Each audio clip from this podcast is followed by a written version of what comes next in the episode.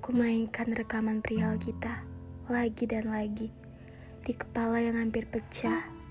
Kau ingat saat kita saling tersenyum lalu berkenalan? Kau ingat saat kita duduk di tepian senja? Kau ingat saat kita saling menggenggam tangan seakan kita tidak mau melepas?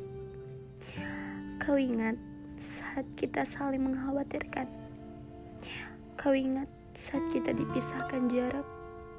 Kau ingat saat kita mencoba bertahan meski tiada tahu kapan lagi bisa saling menatap.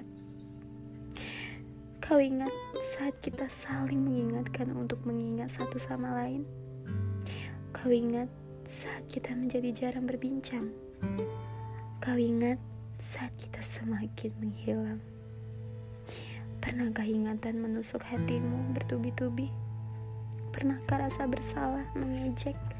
Dan menertawakanmu.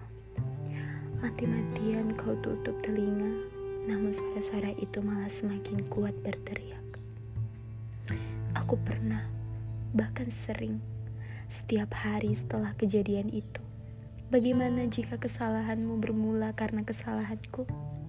Bagaimana jika ketertutupanmu bermula karena ketertutupanku? Ketika tangan tak diciptakan berpasangan, ketika kita dihadapkan pada pahitnya pilihan? Adakah rasa yang diciptakan untuk menjadi dosa? Bukankah sudah kuselipkan namamu dalam doa? Purnama enggan menjawab, sementara mentari bergerak ke sana keong semenjak kita tidak lagi saling menyapa.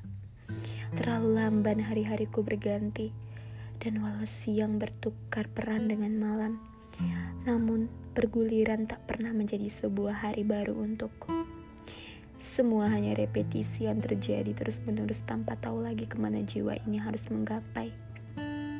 Ketika kesetiaan menjadi barang mahal, ketika kata maaf terlalu sulit untuk diucap, ego siapa yang sedang kita beri makan? Entah, aku hanya ingin menikmati mimpi kita yang hancur berantakan, duduk di tepi bumi dan berseduh sedan Perbolehkan aku menjadi manusia biasa yang berharap rapuh ketika keadaan menjadi berat. Tidak apa-apa, aku hanya butuh waktu untuk sendiri.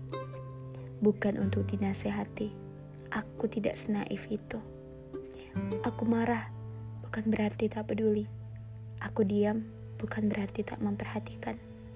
Aku hilang, bukan berarti tak ingin dicari.